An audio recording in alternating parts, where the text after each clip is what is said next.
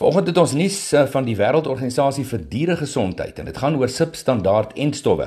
Die nuusagentskap The Peak Site wat eh, berig oor die Wêreldorganisasie vir Dieregesondheid WOAH soos hulle genoem word, hulle het onlangs die eh, belangrikheid van die gebruik van hoë gehalte enstowwe teen die Afrika varkpes benadruk.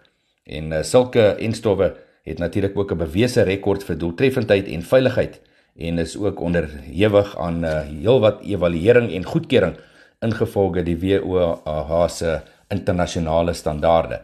Die gebruik van ontoereikende swak gehalte enstowwe sal waarskynlik ook geen beskerming teen hierdie pes verleen nie en uh, skep ook die risiko van enstofvirusse wat versprei en tot akute of selfs kroniese siektes kan lei.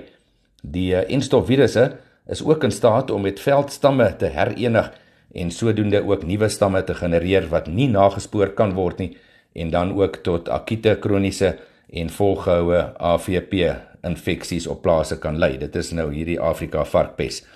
Die Wêreldorganisasie vir Dieregesondheid monitor tans ook die vordering met verskeie van hierdie pes se enstofkandidate teen verskillende stadiums van ontwikkeling en sommige lande het dit of goedgekeur of is in die proses om eh, veldproewe te onderneem vir die gebruik van gemodifiseerde lewende en stofkandidate teen hierdie genotipe.